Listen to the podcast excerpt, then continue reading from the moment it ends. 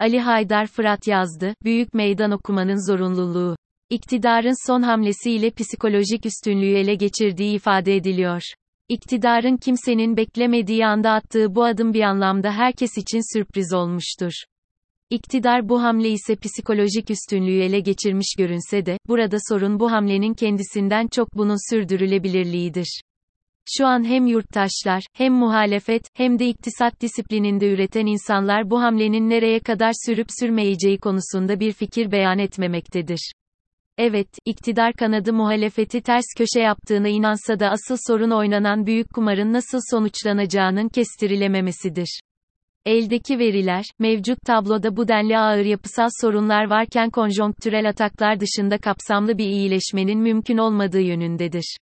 Hele söz edilen yeni model, üretim ekonomisi ve benzeri süreçler bu kadar kısa sürede yaşama geçirilecek hususlar değildir. Ancak muhalefetin asıl sorunu bu hamleyi tahmin etmemiş olmaması dahası bu hamleye karşı gerektiği cevabı üretememiş olması değildir. Asıl sorun topu hala aynı sahada oynamasından ileri gelmektedir. Şunu açıklıkla ifade etmek, tartışmak ve bu noktada çözümler üretmek gerekmektedir. AK Parti'nin neoliberal ekonomi parantezinde yaşadığı kriz sadece bu iktidarın beceriksizliği, yönetemezliği ve süreçlere hakim olmamasından ileri gelmemektedir. Bunun da ötesinde sistemin kendisi, yani neoliberal model bir krizde ve çöküşü tartışılmaktadır. Sermayenin buradan nasıl bir yol bulacağı ayrı bir tartışma konusu olsa da her kesimden birçok insan artık bu neoliberal hegemonyanın dağıldığı ve bu haliyle sürdürülmesinin bütün bir hayatı yok oluşa sürükleyeceği noktasında hemfikirdir. Dolayısıyla CHP'nin, solun, sosyal demokrasinin bugün için meselesi sermaye iktidarı karşısında emeğe alan açmak ve sosyal demokrasinin altın çağına geri dönmek olmamalıdır. Dünya ekonomik buhranı salt dönemsel bir sıkışmışlık ya da kriz değildir.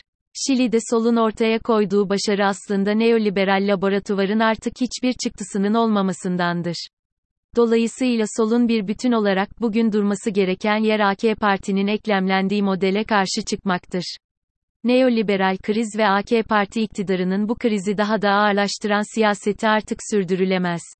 Mesele sosyal yardımı, dayanışmayı, kuşkusuz bunlar hayatidir ama siyasetin kendisi, yani amacı değildir, aşmaktadır. Mesele mevcut düzene doğrudan meydan okuyacak bir yaklaşımın üretilmesidir. Yeni bir kalkınma modelinin, halkçı bir ekonomi politiğin koşulları olgunlaşmıştır. Dünyada derin yoksulluğun dip dalgası popülist sağ tarafından başka alana kanalize edilememiştir. Özellikle pandemi sonrası dünya büyük isyan dalgalarıyla sarsılacaktır.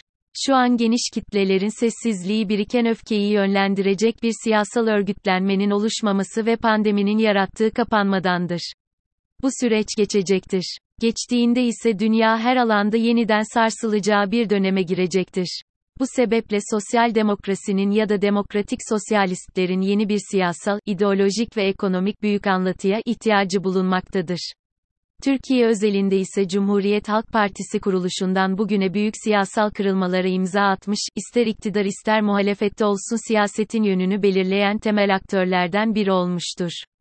Bugün aynı tarihsel sorumlulukla karşı karşıyadır. Mesele AK Parti'nin yönetememesine indirgenmemelidir. Mesele sadece Recep Tayyip Erdoğan'a indirgenmemelidir. Mesele sadece döviz kurlarına ya da faize indirgenmemelidir. Mesele kimin aday olacağına indirgenmemelidir.